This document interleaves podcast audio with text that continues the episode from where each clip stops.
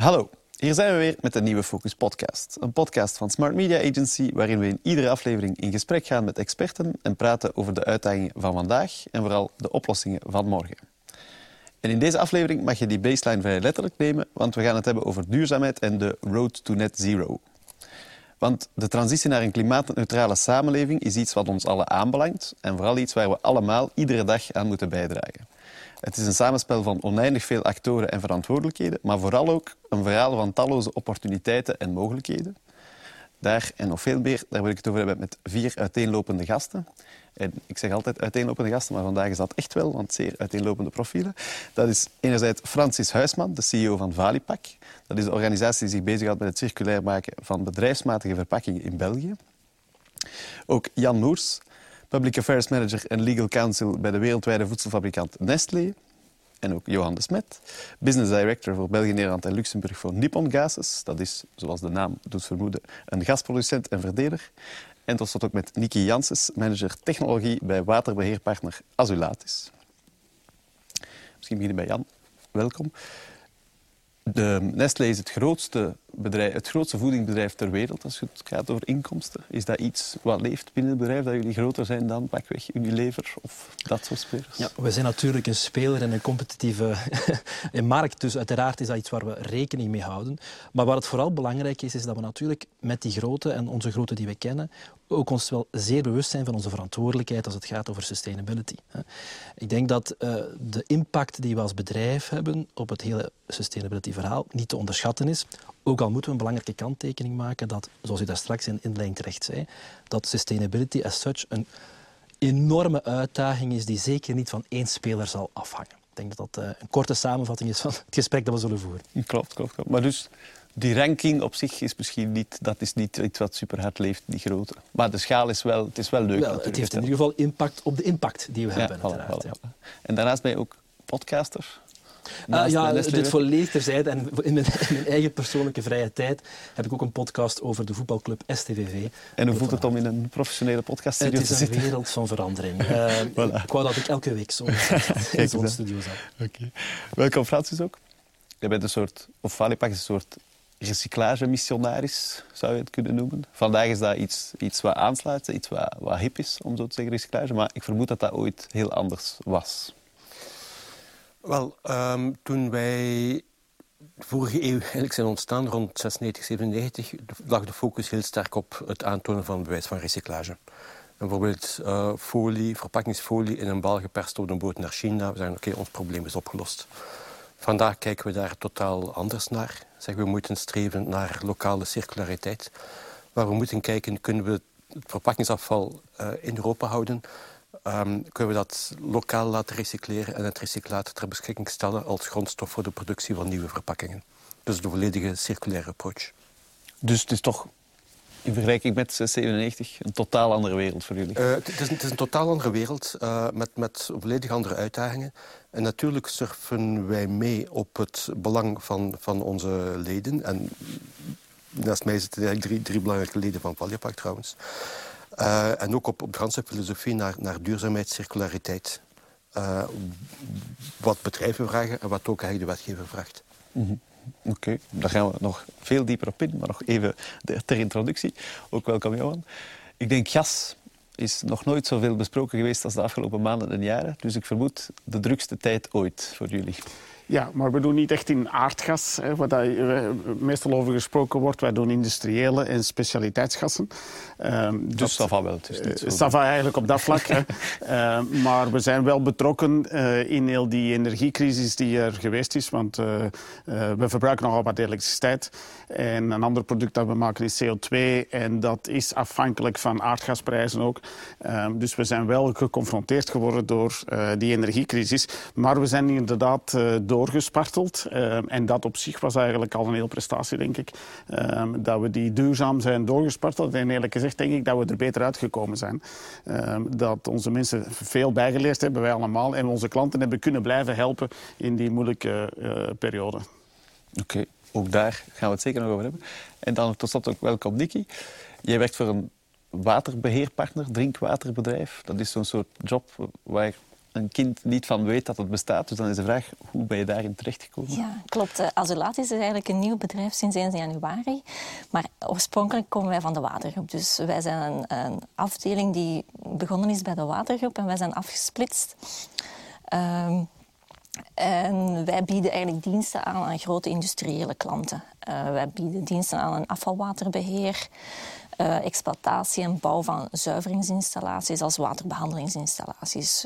Wij maken afvalwater effluent uh, om tot drinkwater, proceswater. En, en, daarmee bouwen wij ook op die circulariteit, die duurzaamheid. Dus wij uh, maken van een afvalproduct eigenlijk het, terug een, een, een, water dat in het bedrijf hergebruikt kan worden. -hmm. En dus als je ergens komt, ben je dan altijd bezig met hoe zou de watervoorziening hier in elkaar zitten? Of valt dat wel mee qua beroepsvorming? Ja, nee, dat, dat, dat, klopt wel. En we bekijken ook van, kijk, wordt hier veel water gebruikt? Wordt er water verspild? Dus daar kijken wij ook naar. Ja, dat is heel okay. belangrijk. Oké, okay, dus dat zijn de vier uiteenlopende gasten. Laten we dan nu misschien een eerste thema aansnijden. Uh, heel algemeen, dat is, we hebben het gezegd, de road to net zero, de transitie naar een klimaatneutrale wereld. Dat is iets wat volop aan de gang is.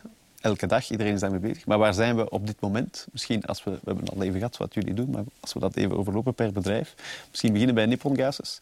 Voor jullie betekent dat dat jullie gas in zekere zin voor een deeltje loslaten of kiezen voor een een nieuw product in, een, in zekere zin? Of een nieuw project hebben gelanceerd? Uh, niet per se, denk ik, onze, onze, uh, onze gasten loslaten. Want wij gebruiken eigenlijk onze gasten om onze klanten te helpen om die stap te maken. Dus wij, denk ik, blijven nog concentreren om technologieën te ontwikkelen en samen met klanten aan de hand van gassen of van technologie die gassen gebruiken, hun die stap te kunnen maken in die transitie, in die transformatie. Um, en, en, we doen zelf ook wel wat, want we hebben nog maar net de eerste groene waterstofinstallatieproject uh, in, uh, in België mogen aankondigen, samen met een aantal partners, uh, Terra Nova Hydrogen in, in Zelzaten. En daar zijn we, zijn heel tevreden over. Dat is onze inbreng, zal ik zeggen, denk ik. Hè. Een voorbeeld van onze inbreng. Anderzijds uh, helpen wij onze klanten om hun uh, carbon footprint te verminderen. Um, onder andere door het gebruik van zuurstof in, uh, in verbrandingsprocessen. bijvoorbeeld, waarmee dat ze hun aardgasverbruik met de helft kunnen verminderen. Dat zijn zo van die oplossingen die we meetrachten te, samen te, te ontwikkelen dus jullie, met onze klanten. Wat jullie leveren aan jullie klanten is Misschien specifiek voor dat waterstofproject. Wat is, hoe zit dat juist in elkaar? Wat is de bedoeling? Ja, dus voor, voor het waterstofproject gaan wij dus waterstof leveren aan onze klanten. Wat we eigenlijk nu al doen, maar het is nog geen groen waterstof. Het is uh, wat alle andere kleuren kan je bedenken, uh, zwart of grijs. Uh, maar uh, specifiek groene waterstof, opgewekt met groene elektriciteit, waar geen, geen fossiele brandstoffen niet meer bij betrokken zijn. Hè. En ehm, wij zien wel een markt voor die groene waterstof, want wij horen, wij krijgen de vraag van onze klanten om, uh, om uh, waterstof te leveren. En vooral van klanten die het nu nog niet gebruiken, maar die het willen gaan gebruiken, ook weer in hun transitie, in hun transformatie naar een uh, duurzamere industrie, duurzamere processen. Ehm, en ook die... Bedrijven die, uh, zou ik zeggen, aan ontwikkeling doen, bijvoorbeeld een nieuwe waterstofmotor willen maken. En die hebben daarvoor waterstof nodig om uh, te zien hoe dat die werken. En al die, dus heel die periode is nu heel hard aan het groeien. Er zijn heel veel bedrijven die allerlei soorten testen en proeven aan het doen zijn uh, met waterstof. En willen daar natuurlijk liefst, als het kan, groene waterstof. En vandaar dat wij ons project gestart zijn. Ja, ja dus is, het is echt wel een soort kantelpunt waar jullie in zitten als bedrijf? Het, ja, het is een kantelpunt. We gaan ja. echt nu. Dat kan je zeker zeggen. En ik moet, uh, moet erbij zeggen dat uh, we ook genieten van uh, subsidie van de Vlaamse gemeenschap voor dit project. Dat we samenwerken met een aantal partners. Luminus is van een partner. Jan de Nul, DME en Aartsen zitten samen in een groep Terra Nova zelf. Um, dus zonder die partners, denk ik, en zonder die subsidie was het waarschijnlijk nog, nog niet een project geweest. Maar die subsidie helpen ons eigenlijk die drempel te nemen, die investering te doen. En op uh, vijf à tien jaar tijd moeten we zelf rendabel zijn en moeten we zorgen dat we dat een, een rendabele businessmodel van gemaakt hebben. Oké. Okay. Nicky, jullie zitten ook op een soort kantelpunt. In de zin van, we hebben het al gezegd, jullie zijn afgescheiden van de watergroep sinds 1 januari. Ja. Dus eigenlijk een, een nieuw opgerichte entiteit. Waarom die keuze om vanaf nu alleen te gaan? Ja, dus eigenlijk onze afdeling was te groot aan het worden voor eigenlijk een publieke maatschappij. we zijn, ehm, en wij willen eigenlijk sneller en concurrentiëler gaan ehm, werken op de markt. Om meer in te spelen natuurlijk, om de industriële klanten meer van dienst te zijn op hun duurzame vragen eigenlijk, dat ze altijd uh, hebben. Ehm, en dus misschien concreet, wat voor soort vraag, met wat voor soort vraag kunnen bedrijven terecht bij jullie? Bedrijven komen van, kijk, wij hebben een afvalwaterzuivering op onze site. Willen jullie die beheren? Of wij willen iets doen met het afval, gezuiverde afvalwater. Wij willen dat gebruiken in onze fabriek. Hoe kunnen wij dat om, eh, extra gaan behandelen om daar eigenlijk een proceswater gaan maken voor intern te gebruiken? Ja, dus ook. Ja. Hoe zorgen we ervoor dat we minder leidingwater ja, nodig klopt. hebben? Dus eigenlijk meer een decentrale uh, waterplant op de site zelf dat wij gaan bouwen uh, voor de klanten. Ook uh, het gebruik van ah, regenwater op de site wordt ook enorm uh, bevraagd hoe dat klanten daarmee kunnen omgaan. Ehm, dus die vragen komen bij ons terecht. En dus ja, het, het aantal vragen van bedrijven dat vragen bij jullie groeit. En dus nu in de nieuwe entiteit kunnen jullie beter Klopt. reageren op die vragen. Ook de Vlaamse overheid geeft er ook subsidies voor, voor die,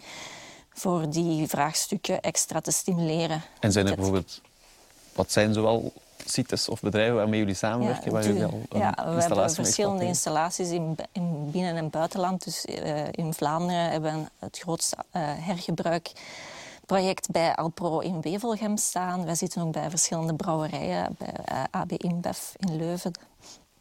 Okay. En ook nog bij andere sites, uh, bij Coca-Cola in Gent bijvoorbeeld.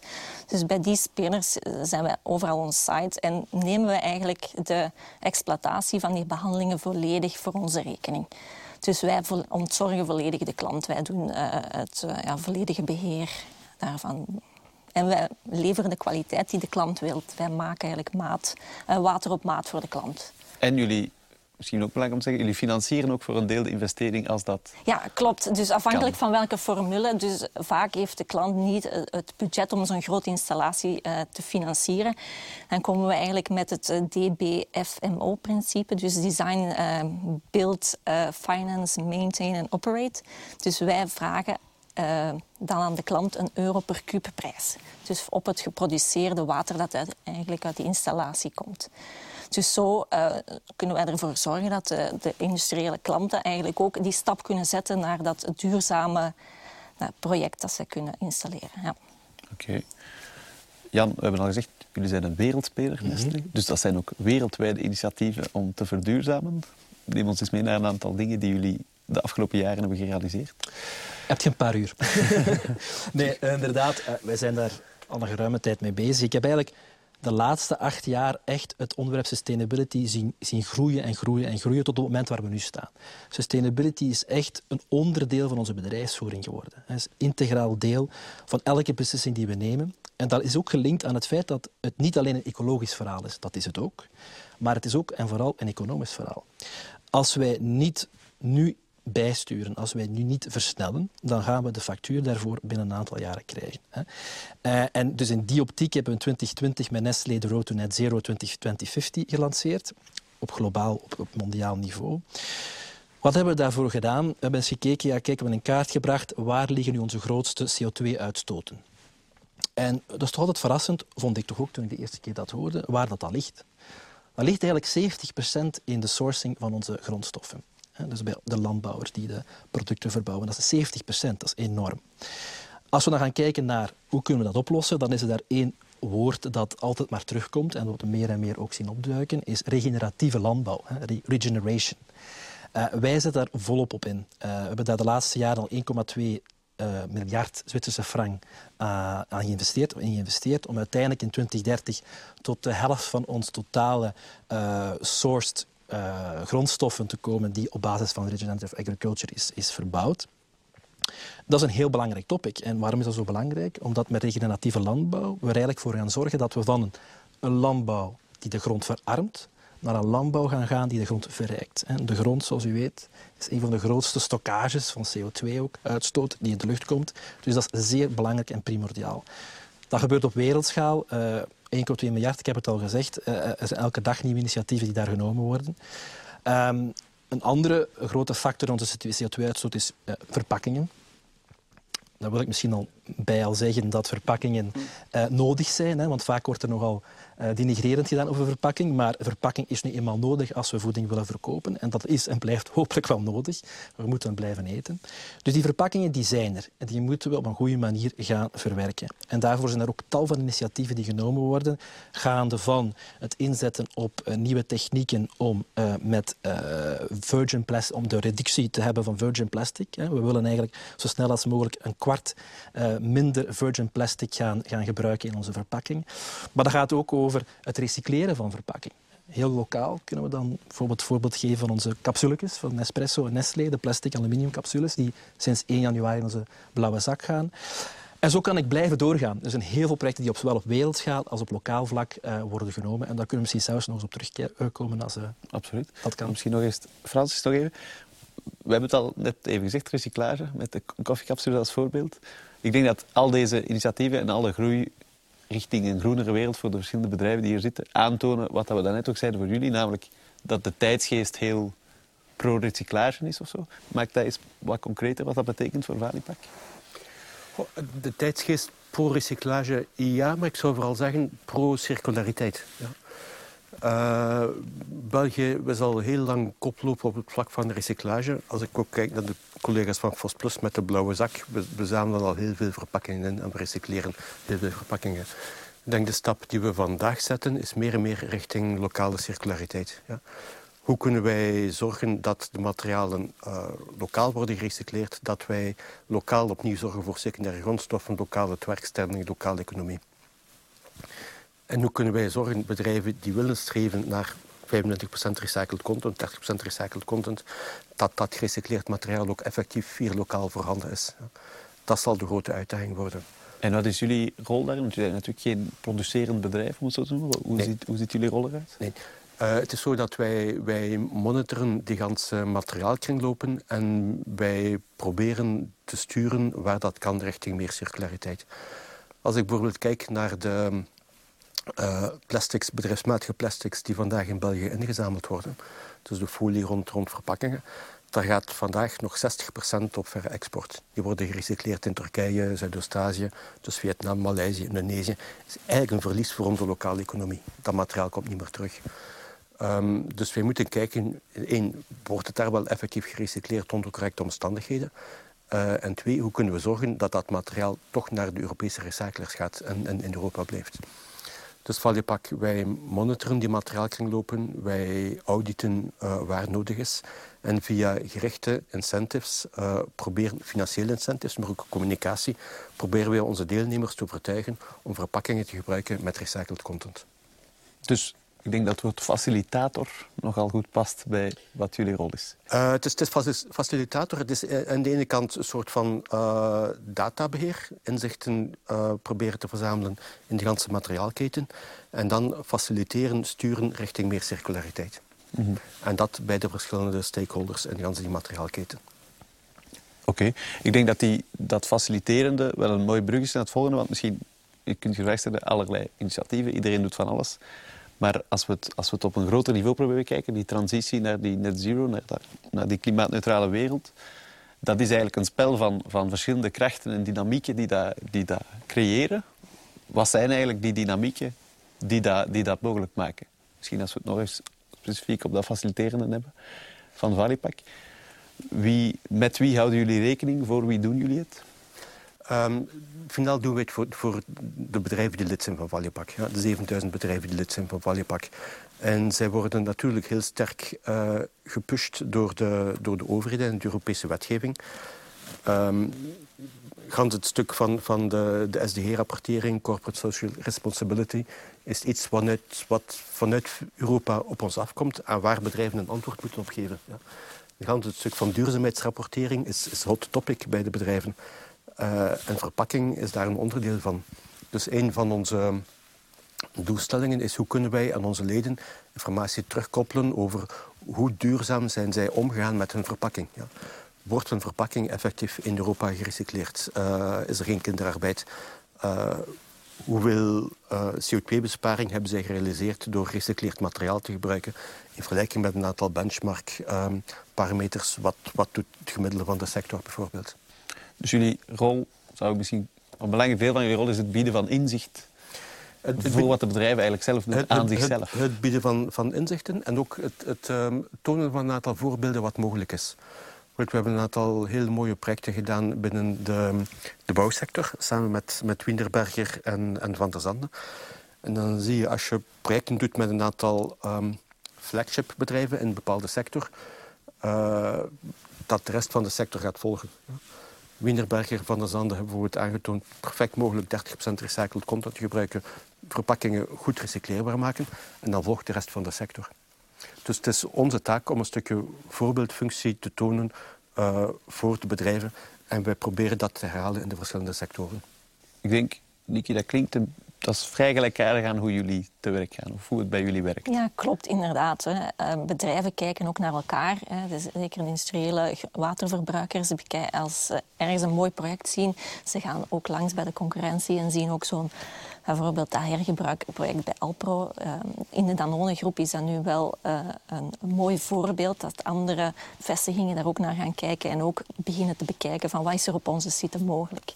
Dus eh, dat zien wij ook, dat, die en dat, die, dat één project wel een voorbeeld kan zijn voor velen. En dus ja, dat alles in een soort...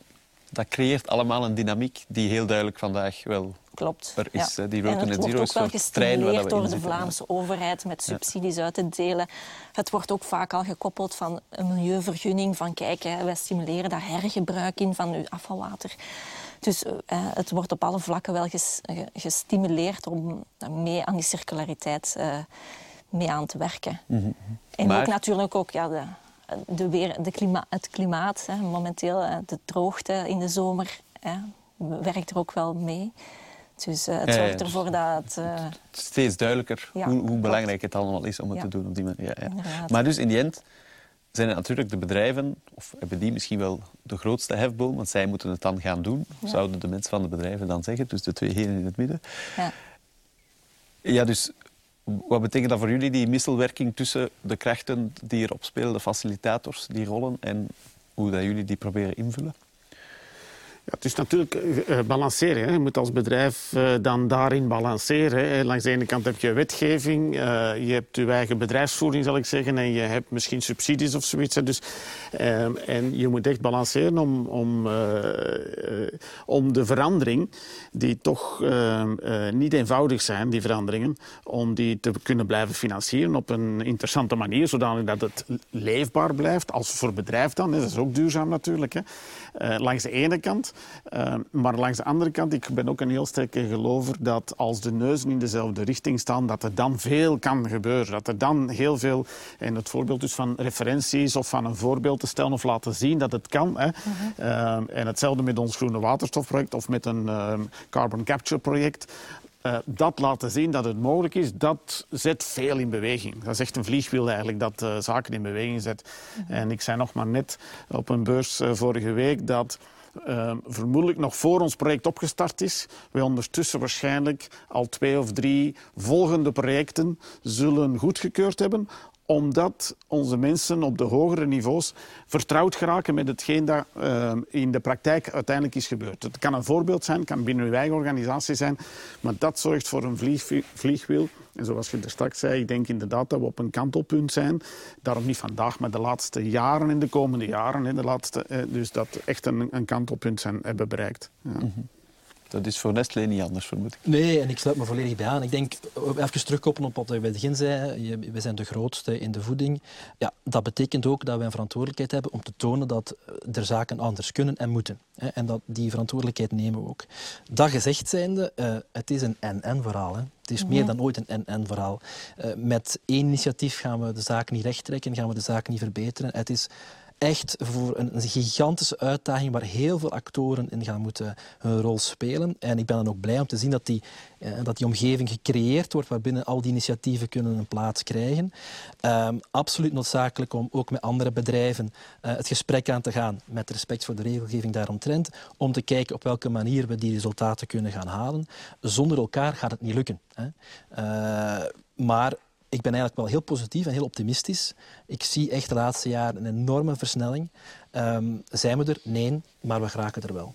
-hmm. En dus dat is ook opnieuw een mooi bruggetje, want ik denk, we kunnen spreken over facilitator en, en krachten die spelen in de dynamiek. Eh, misschien wel de belangrijkste rol daarin, we hebben het ook al af en toe gezegd, is natuurlijk het regelgevend kader, de wetgeving daar rond. Dus als we die even vastnemen, specifiek voor België, maar die zit natuurlijk ook in een breder kader. Ja, hoe belangrijk is de wetgeving en waar staan we vandaag misschien, als we dat concreet maken, misschien met het, het Nippon Gas-project rond waterstof? We hebben al gezegd, subsidies zijn daarin eigenlijk het essentiële, een essentiële bouwsteen in dat verhaal geweest. Hoe, waarom juist? Ja, om, uh, uh, omdat uh, er op dit moment nog geen markt is voor groene waterstof bijvoorbeeld. En je dus toch wel een investering intern moet gaan verdedigen, waar je nog niet de uitkomst van 100% zeker weet. En in onze normale bedrijfsvoering zou dit geen kans maken. En zouden wij niet daar de middelen inzetten, als we die middelen ergens anders kunnen inzetten, waar dat we wel de, de benefits kunnen uithalen, de voordelen kunnen uithalen. Maar een subsidie in dit geval helpt om die drempel toch te nemen, om het risico toch te nemen. En ons wat meer tijd te geven en niet tegen volgend jaar het project opstart, maar misschien drie tot vijf jaar om uh, dat uh, businessmodel rendabel te maken. Dat risico zit bij ons. De drempel is uh, dankzij de subsidies. en ik denk dat daar, Europa is ermee begonnen, denk ik. De, de Belgische en de Vlaamse regering volgen daarin. Hè, dat het ondersteunen van zulke initiatieven nog eens zo'n vliegwiel. Het laat zien, ah, het kan. En zoals ik al zei, ik ben ervan overtuigd dat bij ons nieuwe projecten zullen komen, waarschijnlijk tegen dan zonder subsidies. Um, omdat er ondertussen een businessmodel opgemaakt wordt hè, met veel verenigde krachten enzovoort. Zo zal het wel zijn. Want het is ook toch een nieuwe technologie die moet uh, ingepast worden enzovoort. Uh, klanten moeten overtuigd worden en hun klanten moeten hun klanten overtuigen. Dat is dan misschien de consument op dat moment. Uh, en, uh, maar dat uh, zit in de goede richting. Maar dus in concreto is het wel zo zeker in een, een, bedrijf dat natuurlijk in een concurrentielogica zit en, en moet overleven als bedrijf, om die eerste stap te zetten zonder steun van buitenaf is dat bijna ondenkbaar of onrealistisch. Dat, hangt van, natuurlijk van project en van proces enzovoort af. He, voor dit zou dat inderdaad zo geweest zijn. Ja. Zou, zou die, maar ik denk dat dat wel symbolisch voor veel ja. van die soort projecten natuurlijk. Ja. ja. Maar, maar je kan het ook omdraaien. Wij gaan bijvoorbeeld uh, um, zonnepanelen leggen op onze uh, productiefaciliteit. Wat in het begin een, zou ik zeggen, technisch vooral moeilijk was. Omdat op dat dak staan veel andere zaken enzovoort. Dus dat is moeilijk. Maar daar heeft, uh, de, is er een wetgeving ondertussen. Dat tegen 2026 al 10% van uw daken van de industrie moet met zonnepanelen. Dus daar werkt het omgekeerd. Het werkt daar penaliserend als je dat niet gaat doen. Je krijgt er geen subsidies voor. Ehm, maar het is een wetgeving. Je moet je klaarmaken, je moet je aanpassen aan die wetgeving. Dus de overheid speelt langs de beide kanten. Hè. Langs de ene kant leggen ze iets op en je moet het zelf maar doen enzovoort. En langs de andere kant geeft ze subsidies voor die projecten die niet van zichzelf zich zouden kunnen realiseren. Ja. Mm -hmm. Nestlé. Ja, een overheid, wat kan een overheid doen? Een overheid kan verschillende zaken doen, kan subsidies geven. Dat gaat voor zeker kleinere bedrijven absoluut noodzakelijk zijn om de transitie te maken. Daar moeten we niet flauw over doen kan ook wetgeving creëren zodanig dat er een level playing field komt. Want dat is ook vaak een probleem. Want dat houdt ook veel bedrijven tegen, omdat men zegt, ja, maar wij gaan dat doen, maar de rest niet. En dan zitten we met een concurrentieel nadeel. Dus de level playing field van wetgeving is absoluut belangrijk. Natuurlijk, wat kan een overheid ook doen? Iets wat we niet willen, is verandering tegenhouden. Of verandering dwingen op basis van gronden die niet juist zijn. En daar zien we toch ook een aantal voorbeelden de laatste jaren. Bijvoorbeeld als ik kijk naar de nieuwe regelgeving rond, rond, rond verpakkingen eh, op Europees niveau, waar er gelukkig momenteel nog maar een draftvorm, maar een aantal zaken vooropgesteld worden die niet realistisch zijn. Of twee, niet op basis van science, op basis van wetenschap worden gestaafd. Dus ik denk, ook daar is het codewoord co-creatie. Bedrijven, wij moeten in gesprek, in dialoog gaan met overheden om te aan te geven, dit hebben wij nodig, dit helpt, dit helpt niet. En alleen op die manier kunnen we een regelgevend kader creëren waarbinnen we echt kunnen thriven. Maar dat als het op zo'n manier wordt gesteld, denk ik dat is wat, wat aan het gebeuren is. Dat is die dynamiek waar we het over hebben. Eigenlijk is het een vrij ja, positief verhaal tot hiertoe. Ja en nee. Hè. Ik heb net al een voorbeeld ja. gegeven waar dat het ja, ja blijkt. En, uiteraard. Maar... Uh, zij moeten blijven inzetten op die dialoog. Dat denk ik dat het vooral belangrijk is. Mm -hmm. en, en doen we dat te weinig? Of is, waarom is de dat klinkt misschien een beetje obvious of zo. Is er een reden waarom dat dan nu toch niet zo simpel is om die dialoog te ja, Politiek is niet simpel. Hè? Uh, nee, ik denk, uh, er zijn ook heel veel krachten uit, van externe krachten die op politiek inwegen. Uh, vaak is het ook makkelijker om dogmatisch te denken dan heel op lange termijn. ja, dat zijn dingen die niet helpen. Hè. Maar nog eens, ik ben optimist van nature. Ik ben ervan overtuigd dat door samen te werken en ook vooral door de overheden dingen laten te zien. Wij hebben bijvoorbeeld heel vaak dat we mensen, politici uitnodigen om eens te laten kijken, om eens te laten zien van oké, zo werkt het echt. En dan gaan vaak ook de ogen open. Zo'n soort initiatieven zullen we meer de laatste jaren zullen moeten nemen. Oké, misschien een bruggetje naar de, dus dat wetgevend kader. En, en het belang daarvan, dat hebben we geschetst, maar dus misschien ook zoiets ook rond drinkwater en waterzuivering, als we het hebben over azulatis. Ook daar rond is er natuurlijk is misschien iets wat veel mensen niet weten, maar ook daar is er uiteraard wetgeving. Hoe zit, hoe zit dat kader vandaag in Vlaanderen, in België? Uh, dus er, ja, er zijn verschillende uh, ja, uh, wetgevingen in verband met het hergebruik van water. Dus Vlaanderen is daar wel een koploper in. Dus dat er het afvalwater effluent mag hergebruikt worden binnen de industrie. En ook er is een voorzet eigenlijk gegeven om alternatieve ruwwaterbronnen te gaan gebruiken voor een mogelijke netinjectie. Dus dat is een uh, mogelijkheid opengelaten om af te stappen van die traditionele grondwater- of uh, oppervlaktewaters voor drinkwater te maken. Dus dat is een mogelijk, mo mooie opportuniteit voor de toekomst dat daar uh, ja, kansen staan.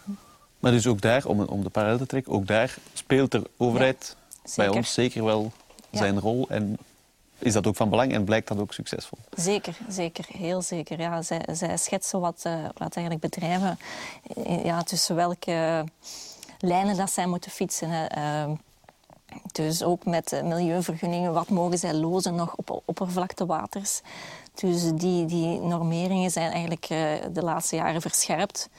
Dus ook in die optiek worden bedrijven eigenlijk verplicht om iets met hun water te doen. Ja. En is, dat, is heel die wetgeving anders dan bijvoorbeeld in onze buurlanden?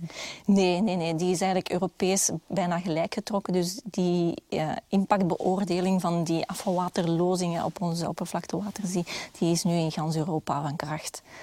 Dus ook bij onze noorderburen en dergelijke wordt daar zo uh, naar gekeken. Maar we zijn toch op een bepaalde manier ook voorloper in zaken ja, het hergebruik, dus effectief het hergebruik. Dus het afvalwater hergebruiken, die circulariteit op zitten, daar zijn we wel voorloper in. Dat dat uh, kan binnen het bedrijf, klopt. En zorgt dat dan voor dat buurlanden komen kijken naar ons van hoe het hier gebeurt om dat eventueel Klopt. over te nemen? Ja, ja, is dat, moeten we dat dus, zo zien? Uh, in Frankrijk, uit Frankrijk is er wel interesse om ook dat daar te gaan doen, maar daar uh, werkt de wetgeving nog tegen. Dus daar zijn ze ook aan het lobbyen. Wat dan voor. weer toont hoe belangrijk de wetgeving is. Ja, ja, ja, okay. Misschien dus op vlak van waterbeheer zit de wetgeving redelijk goed. Op vlak van recyclage lees ik vaak in de krant ook wel. Zij hebben ook wel voorloper algemeen in België. Absoluut. België is een voorloper op het vlak van, van recyclage in het algemeen en ook van, van verpakkingen in het bijzonder. Um, als Valiepak, we zijn eigenlijk de enige organisatie in Europa zich specifiek focust op bedrijfsmatige verpakkingen en de recyclage en circulariteit van bedrijfsmatige verpakkingen. Dus jullie zijn, dat is een unieke entiteit in Europa, zoiets absoluut, als. Absoluut, absoluut. En we, worden vandaag, um, we zien vandaag ook in andere landen Valiepak analoge entiteiten ontstaan. Uh, die bij ons om raad komen vragen van hoe moeten we dat aanpakken, kunnen we samenwerken met een aantal domeinen. Uh, en ik denk dat daar ook een stukje de toekomst ligt. En, uh, een belangrijk deel van onze leden zijn grote internationale bedrijven die in verschillende landen actief zijn. Van laten we kijken hoe kunnen we samenwerken, hoe kunnen we synergieën ontwikkelen. Uh, en hoe kunnen we het administratief niet, niet moeilijker maken dan het vandaag allemaal al is. Ja. Wat wellicht vaak wel het geval is. Die wat, wat, wat, wat, een groot risico is, ja. Omdat iedereen toch hetzelfde wil, maar op een iets andere manier. En dan wordt het voor de bedrijven heel complex, naar rapportering toe. Want kunnen we dat bijvoorbeeld concreet maken, hoe dat dan werkt? Zo'n rapportage rond recyclage? Oh, bedrijven rapporteren aan ons hoeveel uh, kunststofverpakkingen ze gebruikt hebben, op een heel eenvoudige manier. Uh, en ze rapporteren ook aan ons hoeveel uh, gerecycleerd materiaal die kunststofverpakkingen gebruikt hebben. Dat is een vrij eenvoudige rapportering. Je zou het ook veel, veel complexer kunnen zien, waar wij ook zeggen aan bedrijven, kijk, we moeten niet alle detail hebben. Alle detailinformatie blijft bij jullie in het bedrijf en we komen wel ter plaatse bij jullie gaan controleren. Dat is een vrij pragmatische, eenvoudige manier van samenwerken met de bedrijven die heel goed loopt. -hmm. Oké. Ja, ik denk als ik samenvat wat er nu allemaal verteld is, dan, dan staat België er redelijk goed voor. Of in de zin van, dan zijn we toch, zijn er heel wat initiatieven en mogen we zeker fier zijn op alles wat er gebeurt. omdat we toch veel inspanningen nemen. Is dat een juiste analyse of ik, zie veel geknik? Ik denk Bel België staat er goed voor, maar als wij kijken naar bijvoorbeeld het gebruik van opnieuw gerecycleerd materiaal in folie rond verpakkingen, zitten wij vandaag ongeveer voor de Belgische industrie op tussen 1 en 2 procent, wat, wat veel te laag is. Ja. We zien dat een aantal bedrijven makkelijk 30, 40 procent gerecycleerd materiaal, kunststof in hun verpakkingen gebruiken, is er voor heel veel bedrijven nog nog een lange weg te gaan. We zien dat dat bij heel veel bedrijven botst op een aantal praktische, praktische problemen. Uh, en dat het in de meeste gevallen eigenlijk een beslissing moet zijn van de directie van het bedrijf. Van kijk, we gaan, ervoor, we gaan voor een duurzaamheidstraject. Uh, en dan, dan is er heel veel mogelijk in een bedrijf. Ja, ja. ja misschien erop aan, aansluitend. Uh, ook weer een goed voorbeeld waar overheid kan faciliteren. Als we gaan kijken naar gerecycleerd materiaal, dan gaan we op een bepaald moment ook eh, chemische recyclage moeten gaan voorzien. Eh, ik kan niet te detail, niet te technisch worden, maar dat is een proces dat nodig is om recyclaat uit gebruikt plastic te kunnen gebruiken. Als we geen chemische recyclage kunnen gebruiken, dan is het op dit moment onmogelijk om de ambities naar 2030 daarin te halen. Dus ook daar, overheid, is het een belangrijke taak voor hen om dat te reguleren en in kaart te brengen.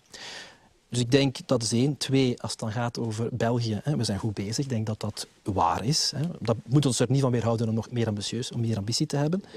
Maar langs de andere kant, dat is ook een heel belangrijk onderwerp. U zegt het terecht. Wij, hè, wij als Nestlé zien dat heel hard. Wij zijn internationaal actief binnen de Europese markt. En er zijn op dit moment heel grote verschillen tussen hoe dat die verschillende lidstaten omgaan met uh, recyclage in het algemeen. Dus we moeten opletten dat onze concurrentiepositie, die al zeer sterk verzwakt is, daar is een ander debat waard, maar dat die uh, niet nog meer aan de vuur komt te liggen. Dus dat is een heel moeilijk evenwicht uh, waar, we, waar we ons om moeten bewegen, maar uiteindelijk zal de slotsom moeten zijn dat we die ambities die we voor onszelf hebben voorgenomen en nu opgelegd ook door de overheid, dat we die gaan halen.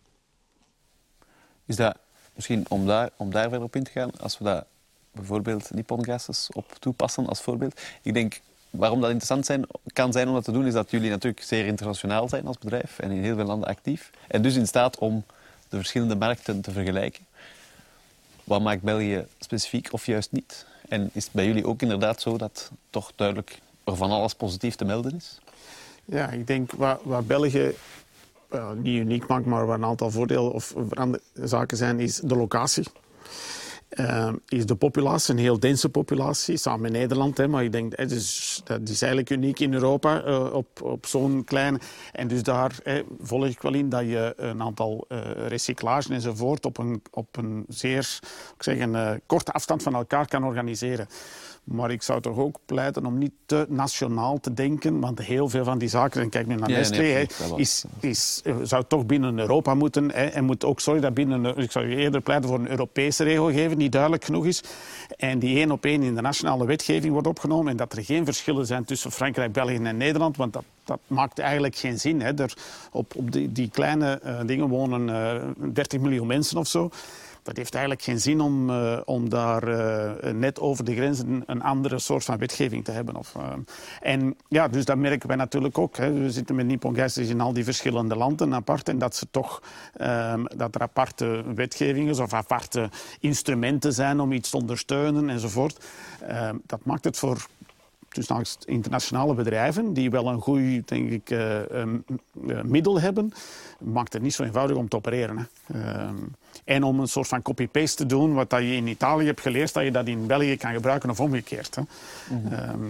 maar waar ik eigenlijk naartoe wil met die vraag, of, of wat ik wou aftoetsen, is... Ik denk dat in de perceptie op dit moment misschien wel het idee bestaat dat Vlaanderen vaak op de rem staat als het gaat over klimaatambities en de realisatie ervan. Zeker in afweging met alles wat Europees is en de Green Deal. Maar als ik het concreet hoor, is dat misschien niet helemaal overeenstemmend met de realiteit. Ja, ik denk inderdaad dat, één, we zijn sowieso altijd als Belgen en misschien Vlamingen ook te bescheiden. Um, ik denk de, de perceptie die je beschrijft zal wel eerder vanuit de politieke kant komen dan vanuit de praktijk en de bedrijfservaring, denk ik. Hè. Um, en Nederland is misschien het omgekeerde. Ze hebben een opportunistische regering op dat vlak en politiek enzovoort. Maar daarom staan ze in de praktijk niet zo heel veel verder. Integendeel misschien. Ze hebben eigenlijk andere uitdagingen uh, op te lossen. Uh, uh, en, um, dus ik, ik denk nee, dat, dat we op dat vlak inderdaad te bescheiden zijn. Want heel veel van de technologische ontwikkelingen komen juist vanuit België. Ja.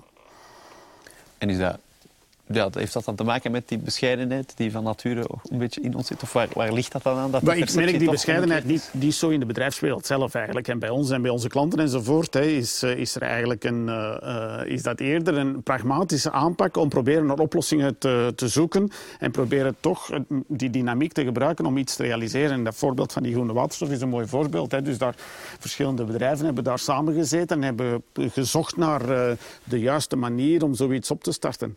En dat vind ik persoonlijk heel, heel Vlaams of heel Belgisch. Uh, zo werken wij eigenlijk heel veel samen met onze klanten. En ik denk dat het niet anders is als ik de verhalen hier hoor. Uh, dat, en op dat vlak zijn we denk ik eerder een voorloper in dat samenwerken dan uh, in, in, in Europa. En dat is waarschijnlijk de reden waarom. -hmm. En misschien het verhaal van de koffiecapsule in de PMD-zak is, is, kan perfect ook als voorbeeld dienen voor wat we net zeggen. Absoluut. Ik denk, uh, daar mogen we heel fier op zijn. Hè. We zijn een van de eerste landen ter wereld waar dat kan. Hè. En uh, we gaan zien uh, hoe dat de komende jaren ook in andere landen zal uitgerold worden. Dus in die zin zeker fierheid daarover. Langs de andere kant, zonder dat te, daarmee alle inspanningen te evalueren, in tegendeel, maar moeten toch wel belangrijke kanttekening maken. Vlaanderen alleen zal ook het uh, klimaatprobleem niet oplossen. Hè, en België ook niet. Hè. Dus ik denk, uh, meer nog dan de perceptie is wat we doen veel belangrijker. Hè. Ik, ik, zeg dat ook altijd als we communiceren als bedrijf over, over onze verwezenlijkingen. Het belangrijkste is dat we die dingen doen. Hè. Mm. Uh, en al de rest, ja, dat is natuurlijk niet onbelangrijk, maar heeft ook maar haar waarde, zoals, zoals we weten. dus die capsules, ja, daar zijn we heel fier op. Um, en we gaan zien de volgende jaren, inderdaad, zoals ik net zei, hoe dat uh, verder evolueert. Maar daar mag het natuurlijk niet bij stilstaan, mee stoppen. Hè. We gaan verder innoveren en we gaan verder kijken hoe we die circulariteit uh, een gegeven kunnen maken. -hmm. Maar dus een belangrijk verhaal in het bredere verhaal dat we proberen te schetsen, is denk ik wel ja, de manier waarop we communiceren over alles wat klimaattransitie is en, en waar we nu zijn en waar we naartoe moeten. Is dat Wordt daar op de juiste manier over gepraat, gecommuniceerd vandaag in jullie optiek? Dat is een heel brede vraag, dat besef ik. Maar misschien, ja, misschien terugkomend op, hè, is de perceptie wel gelijkend aan de realiteit? Um, oh, ja, wij pakken daar niet zoveel mee uit natuurlijk. Nee, dat klopt. Um, maar ja, in België zijn er, of in Vlaanderen zijn er heel veel technologische bedrijven die inzetten op die watermarkt, zeker. Um, die ook wereldwijd uh, aan die projecten doen. Dus uh, in België is zeker de kennis aanwezig om daarmee uit te pakken.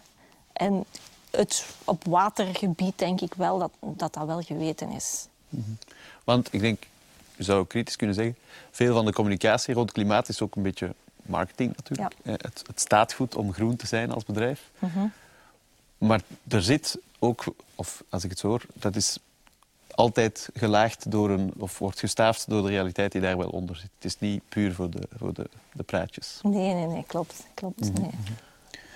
Misschien daarop inpikkend, uh, ja, van twee zaken één. Ik denk dat we als overheid inderdaad als, Vlaamse, uh, als Vlaanderen of als België uh, veel meer nog uh, moeten durven communiceren over de zaken die we doen. Hè. Het is belangrijk om investeringen naar ons land toe te trekken, dat we die kaart trekken. Mm -hmm. Dus daar kan absoluut nog wat meer werk geleverd worden. Dus spreek ik op dat niveau. Spreek ik over Nestlé en over bedrijfsniveau. Ja, kijk, voor ons is het nog eens wat ik daarnet zei, niet het belangrijkste. Het is geen marketingverhaal. Hè. Het is een verhaal van uh, economische validiteit, van ecologische validiteit. En als we daar dan een, marketing, uh, een marketingverhaal van maken, dan, dan doet dat ook afbreuk aan waar het over gaat. Dat wil niet zeggen dat we er niet voor communiceren, maar ik heb eerlijk het gevoel, hè, ik, ik, heb twee hoedjes in mijn bedrijf, ben ook legal counsel, ik zie eigenlijk heel weinig claims, hè, sustainability claims zoals we dat dan noemen. Integendeel. Dus ik, ik, ik zou eigenlijk durven, ik zeg dat elke dag tegen de mensen, we zouden veel meer moeten spreken over de zaken die we doen. Hè. Uh, dat was ook waar ik naartoe kwam. Voilà, ja, absoluut. Ja, ja. Uh, we doen dat veel te weinig, ook in het bedrijfsleven. Dat moet natuurlijk wel, heel belangrijk, op een goede manier gebeuren.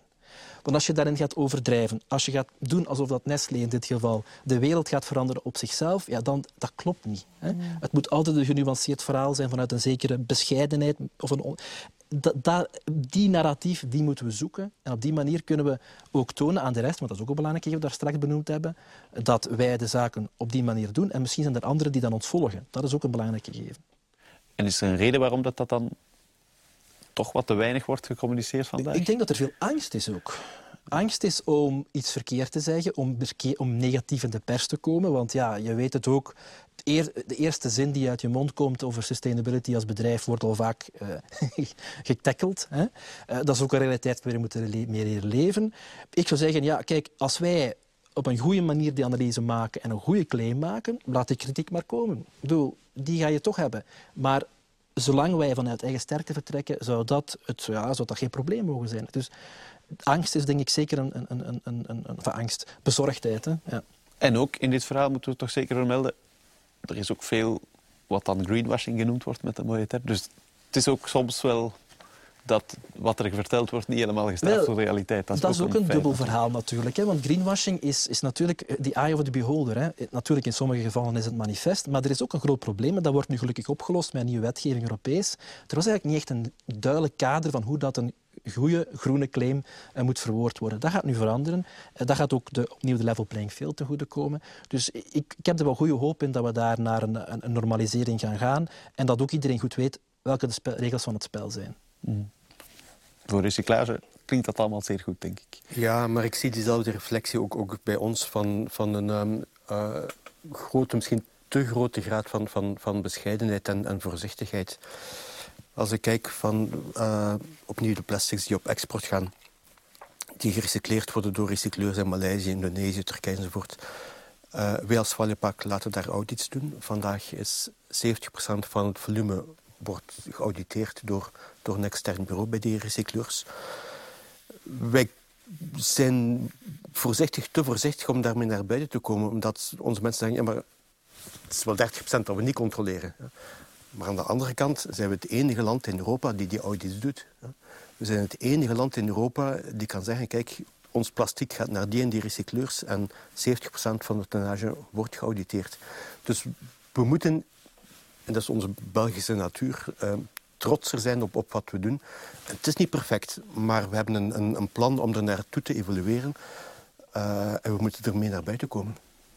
Is dat misschien aftoetsen bij de realiteit? Is dat iets wat jullie bij het Groene Waterstofproject uh, van Nippon Gases gedaan hebben of aan het doen zijn, daar volop over communiceren? Ja, we zijn er nu wel mee bezig, samen met onze partners. Um, en um, het is ook, vinden wij dan weer, een verplichting aan de subsidie die we gekregen hebben van de overheid, dat we dus ook omgekeerd iets teruggeven in, in vorm van communicatie, marketing. En dat zal later zijn dat mensen die zitten kunnen bezichtigen om te bekijken hoe dat die eruit ziet enzovoort. Dus um, iets, iets willen teruggeven ook hè, aan de maatschappij. Hè. Um, ik denk dat dat daar ook mee speelt. Maar ja, um, uh, sinds wij Gas SS, is nog niet zo lang, uh, sinds 2018. Uh, en daarvoor waren we een meer, waren we, was eigendom een Amerikaans bedrijf dat heel voorzichtig was in al zijn marketing naar buiten treden. Maar hebben wij eigenlijk het geweer van schouder veranderd. En zijn we eigenlijk, hebben gedacht van het is eigenlijk beter dat we met al die positieve dingen die dat we doen naar buiten komen. Huh? en die laten zien, net zoals u zegt, om, om opvolging te vinden, om mensen te inspireren, om gelijkaardige projecten te doen. Uh, dus nee, ik, denk, ik geloof er heel erg. Stak al zei, zijn vliegwiel eigenlijk. Hè. Uh, en elk project in die richting kan een inspiratie zijn of een, uh, een vonk zijn om een volgend project te doen. En, en blijkt dat ook aan de andere kant? Dus vinden jullie communicatieplannen of doelen ook, ook respons? Is bijvoorbeeld aandacht in de pers voor wat jullie doen? Komen die naar jullie toe of zo? Ja, jawel, jawel want we hebben bijvoorbeeld een, daar rond een persbericht en die aandacht was eigenlijk veel groter dan wij hadden verwacht, eerlijk gezegd. Uh, wij stonden verleden week op de Global Hydrogen Summit in Rotterdam, uh, samen met North Seaport, dat is een van onze partners, dus de Gentse Zeehaven is het eigenlijk. En die stand stond boordevol. dat was eigenlijk verrassend, ook voor ons. Maar er is ook heel veel aandacht hè, voor alles wat met sustainability en duurzaamheid te maken heeft. Hè. Dus het, dat is dat kantelpunt. Er zijn heel veel mensen mee bezig om naar te kijken, heel veel bedrijven, uh, heel veel stakeholders om te kijken. Uh, want het is, blijft een onbekende. Niemand weet waar we echt naartoe gaan. Hè. Niemand weet hoe, dat, hoe snel of hoe traag dat, dat gaat evolueren. En uh, die onbekende is eigenlijk ja, met veel mensen erover praten. Ik denk dat dat heel belangrijk is. Dat is hier al gezegd geweest. Hè. Dus um, we kunnen er eigenlijk niet uh, genoeg over praten. Zo gaat de verandering zich sneller inzetten. -hmm. Dus is het misschien, als ik het samenvat, moet het, het, het narratief, om dat woord te gebruiken, misschien van heel die verduurzaming veranderen. Van iets wat ons boven het hoofd hangt en wat zeer moeilijk is en complex en heel veel uitdagingen met zich meebrengt, naar iets wat een enorme machine is van kansen en mogelijkheden? Ja, ik wil dat niet overdrijven, maar ik heb vaak ook bij ons uh, het uh, voorbeeld gebruikt dat uh, de eerste week van de coronacrisis op één week tijd bij ons al, alleszins, maar ik denk bij heel veel bedrijven, iedereen van op het werk, van thuis uit kon werken. Als we dat ooit hadden willen realiseren op voorhand, dan na vijf jaar waren we nog niet zo ver geweest. En waren er allerlei redenen geweest enzovoort. Dus met de neus in dezelfde richting, wat je straks al zei, hè, kan er heel veel. Dus ik wil, we moeten ook geen luchtkastelen bouwen enzovoort. Maar ik denk met de neus in dezelfde richting kan er echt heel veel gebeuren. Uh, en uh, dit forum bijvoorbeeld is al uh, qua communicatie. Ik ben er eigenlijk dankbaar voor dat we hier kunnen zitten en dat we ook een steentje kunnen bijdragen. -hmm. Maar dus dat, dat verbindende potentieel dat het verhaal in zich heeft, misschien om die verduurzaming te maken, ja, dat is, wel, dat is eigenlijk waar het over moet gaan de komende jaren. Ab, absoluut. Of dat is wat we moeten en, gebruiken de, de, de. We hebben, we hebben in, in België een allee, gigantische kennis bij, bij allerlei organisaties, bij allerlei bedrijven. Ik denk dat we ook de rol hebben om die kennis te, te, te verbreden en te verspreiden. Bijvoorbeeld als, als Valiepak. Omdat, we zijn in België koploper, maar op wereldvlak, wij gaan niet verschil maken doordat we iets beter gaan sorteren. De grote vervuilers zitten in Zuidoost-Azië. Ja. Dus we zijn bijvoorbeeld aan het kijken hoe kunnen we de expertise die we bij Valjepak hebben gebruiken. En we hebben twee projecten die we steunen in Indië. één voor selectieve inzameling en één voor recyclage. Want op basis van, van de expertise die we hier opgebouwd hebben, kunnen we daar wel het verschil maken. Mm -hmm. Dus ja, ik voel toch vooral heel veel hoop naar een betere toekomst hier. Absoluut. Dus misschien als laatste thema dan even de toekomst bekijken. Ja, ik denk heel die, die Road to Net Zero, dat, dat plan dat is uitgewerkt, vooral door Europa dan qua regelgeving. Dat heeft twee belangrijke toekomstige eikpunten, 2030 en 2050. Voor jullie allemaal, dat is wel iets wat we, wat we gaan halen. Of zo. De doelen die zijn opgesteld voor 2030, misschien om daar te beginnen, dat komt wel in orde. Zonder te willen downsizen qua uitdaging, maar jullie zijn wel op weg daar naartoe. Misschien bij Atoulat. Oh, um, ja, wij, wij zijn vooral... Uh, wij worden in dienst gesteld van de industriële klanten. Hè. Dus, ja, dus uh, jullie zijn eigenlijk... Het feit dat zoveel bedrijven ja. die wegnemen, betekent dat ze bij jullie komen aankloppen. Klopt, ja, ja, ja. Wij krijgen heel veel aanvragen voor uh, de, het water in een bedrijf te gaan bekijken. Van regenwater tot het afvalwater. Dus ja, er is een, er is een enorme... ja, kracht bezig voor de bedrijven te stimuleren. Klopt. En de nieuwe bedrijfsentiteit is eigenlijk jullie respons daarop? Ja, klopt, inderdaad. Wij kunnen zoveel gemakkelijker, hè, omdat onze bedrijfsstructuur veel uh, soepeler is, veel sneller gaan uh, reageren op die vragen en uh, sneller, de, sneller projecten ook gaan realiseren. Dus wij zitten met een minder log bedrijf als de Watergroep. Mhm. Mm -hmm. Klopt. Ja, ik denk dat dat zegt veel over hoe dat de bedrijfswereld uh, zich uh, snel kan aanpassen en zich zal aanpassen, daar waar nodig. Hè. Dus dat gebeurt, dus daarom is wetgeving belangrijk. Hè. Maar misschien wat instrumenten zijn ook belangrijk. Maar het is het perfecte voorbeeld waarom een, een bedrijfswereld zich sneller kan aanpassen. Ik heb er een sterk geloof in. Uh, pas nog vorige week gezegd, ik ben 55, 30 jaar bij hetzelfde bedrijf. En ik denk dat de komende 10 jaar veel boeiender gaan zijn dan de laatste 30 jaar al waren. Uh, want we zitten echt in een, uh, in een transformatie hè, waar we wel de kennis die we hebben opgebouwd, mensen van mijn leeftijd dan, de kennis die we hebben opgebouwd, kunnen gaan gebruiken om die komende tien jaar, waar dat toe gaat leiden, dat blijft denk ik nog altijd. Hè, dus zonder daar beloftes in te, in te kunnen doen of zoiets. Want ik denk dat dat, uh, dat is een beetje te ambitieus om dat te zeggen. Maar nog eens, ik denk wel dat we nog grote en veel veranderingen via de bedrijfswereld juist kunnen realiseren. En hoe zal dat dan, dat is moeilijk om dat te voorspellen, maar als we toch een poging doen, hoe zal het bedrijf in 2030 er bijvoorbeeld voor staan? In het geval van die Pongassos? Ik, ik denk wat, daar waar dat ons aandeel aan, uh, zou ik zeggen, wij noemen dat de carbon neutrality uh, business uh, stuk, veel groter zal zijn dan dat het tot nu toe is. Um, en dan spreek ik bijvoorbeeld over groene waterstof, maar het kan ook uh, um, CO2-capture zijn en het gebruik, hergebruik van CO2 bijvoorbeeld. En het gebruik van onze technologieën om bij onze klanten. Dus um, ik denk dat dat aandeel wel een heel pak groter zal zijn dan we de laatste jaren hebben gehad. Want jullie hebben als bedrijf ook wel een soort strategie gelanceerd, een breed verhaal. Ja, die... globaal. We zijn een Japans bedrijf. Uh, daar staat duurzaamheid uh, heel hoog in het vaandel. En uh, maatschappelijke verantwoordelijkheid ook. En dat verschil dat voelen we sinds dat we Japan juichen we ook toe. Want dat past eigenlijk heel goed bij het DNA van het bedrijf dat we in België, dat we in België zijn.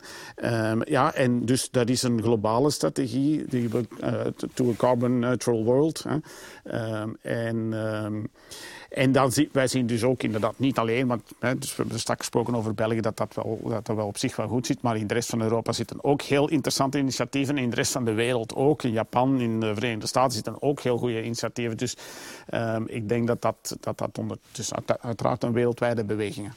Mm -hmm. Maar dus ja, heel die, die carbon neutral world, heel die strategie, dat is, dat is een trein die is vertrokken en die zal alleen maar sneller beginnen rijden. Ja, en, en, en pas op, en die, die, dus, de strategie uh, bedenken en bekendmaken is één ding, maar ze realiseren is veel belangrijker. En zoals, een, zoals ik straks al zei, zoals een, een, een, een groenwaterstof of een carbon capture project dat zorgt er eigenlijk voor, het project zelf zorgt er eigenlijk veel meer voor dat uh, andere mensen dat herkennen. Zeggen, oké, dat hebben we daar al eens gedaan, nou ja, dus kunnen we dat opnieuw doen. En zo gaat dat eigenlijk vooruit. Dat is volgens mij veel sterker dan puur de strategie uitdenken en ze, en ze alleen maar communiceren. Hè. Nee, nee, de, de echte projecten zijn eigenlijk veel, uh, veel belangrijker in een vliegwiel creëren. Ja, ja. En dus dat geldt opnieuw voor Nestlé exact hetzelfde. Dus misschien voor jullie in 2030 wel, zijn jullie wellicht nog steeds de grootste voedingsproducent. Wel, dat, dat kan niet. Dat valt alleen maar te hopen natuurlijk. Uh, maar uh, we gaan ervoor. We gaan er ook, daar, daar durf ik wel optimistisch over zijn ook hoor. Um, dat is goed. Ja, nee, maar er is ook geen alternatief. We moeten die ambities waarmaken. Wat ik daar straks in het begin zei, dit is, dit is een allesomvattend verhaal. Dit is ecologisch en economisch. Hè. We moeten dit doen. Uh, en dus ook, die, uh, ik sluit me volledig aan wat u zei, van ja, het belangrijkste is dat we echt initiatieven nemen en ook dingen doen. En dat, hoeven, dat zijn heel grote dingen, maar dat zijn ook soms kleine dingen. Kijk bijvoorbeeld, uh, als we kijken naar Nestlé bij ons, ja, een bepaald moment uh, hebben we besloten om iets te doen aan ons restafval en onze sortering op het werk. Uh, we hebben een heel lang project ontwikkeld en een heel lang project gedaan, waarbij we externe hulp hebben gezocht om ons te helpen dat te bereiken. Wat was de doelstelling? We wouden eigenlijk gaan van 2 kilogram restafval per werknemer per maand naar 80 gram. En we hebben dat ook gehaald. Dus 80 gram restafval per maand per werknemer. En het zijn die, dat soort initiatieven dat we moeten blijven doen, want uiteindelijk, ik heb dat nu meegemaakt. Hè. Ik heb inderdaad ook leren, nog meer beter leren recycleren en sorteren. sorteren. Maar ik neem dat mee naar huis. Hè. En het zijn van die stappen die we moeten zetten als, als samenleving om uiteindelijk die doelstellingen te gaan halen. We hebben geen keus. Dat klinkt allemaal, dus heel die recyclage inspanningen, dat is allemaal de winkel van Valipack natuurlijk. Misschien voor, voor Frans ook de laatste vraag. Hoe zien jullie de toekomst? Hoe zal Valipack eruit zien in 2030? Jullie zijn natuurlijk al die unieke entiteit in Europa.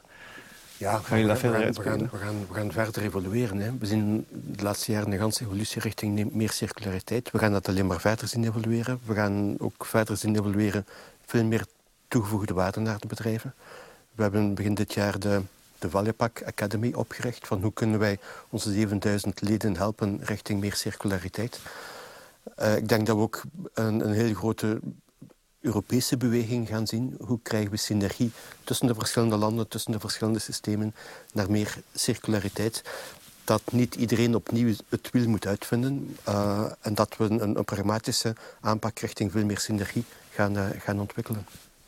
Maar dus ook hier maar een gigantische uitdaging. Hè? Er is hoop, maar we staan voor een gigantische uitdaging. En het gaan, het gaan hele boeiende jaren worden de komende zes jaar tot, tot 2030. Oké, dat lijkt me een mooie boodschap. En ik onthoud vooral toch het hoopvolle karakter van deze aflevering. Bedankt allemaal voor het gesprek en bedankt om zo'n Focus Podcast alweer wat meer op de kaart te zetten. En wat mij betreft, tot een volgende keer. Graag gedaan, dank u. Dank u.